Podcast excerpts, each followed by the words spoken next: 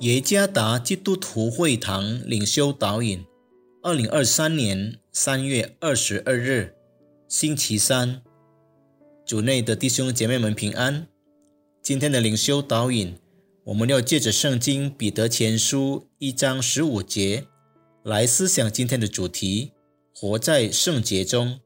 作者罗复兴传道。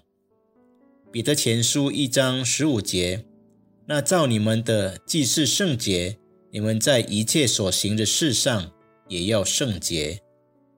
今天大多数人都在追求世俗的东西，比如名望、地位、成就、财富等等。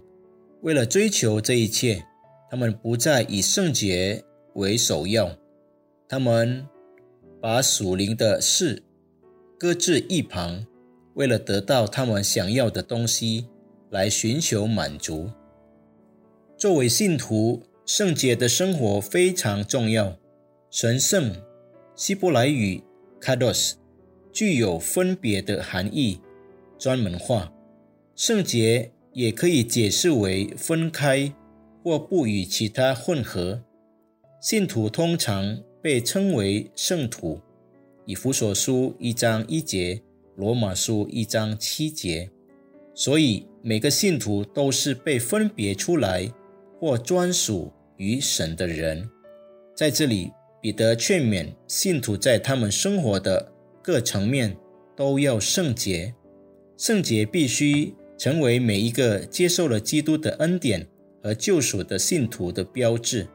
作为信徒，必须过一个圣洁的生活。圣洁是神的属性之一，神呼召每一个信徒在他面前过圣洁的生活，致使一切肉体的欲望和属世人的性格顺服神的带领和他的心意。作为一个从来没有免于犯错和罪恶的人，想达到神所要的圣洁并不容易，但是感谢主。因为主必赐我们能力，成为可能，并借着圣灵的帮助，使我们能成为圣洁。我们可以与神合一。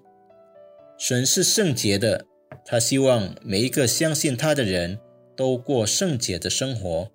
愿上帝赐福弟兄姐妹们。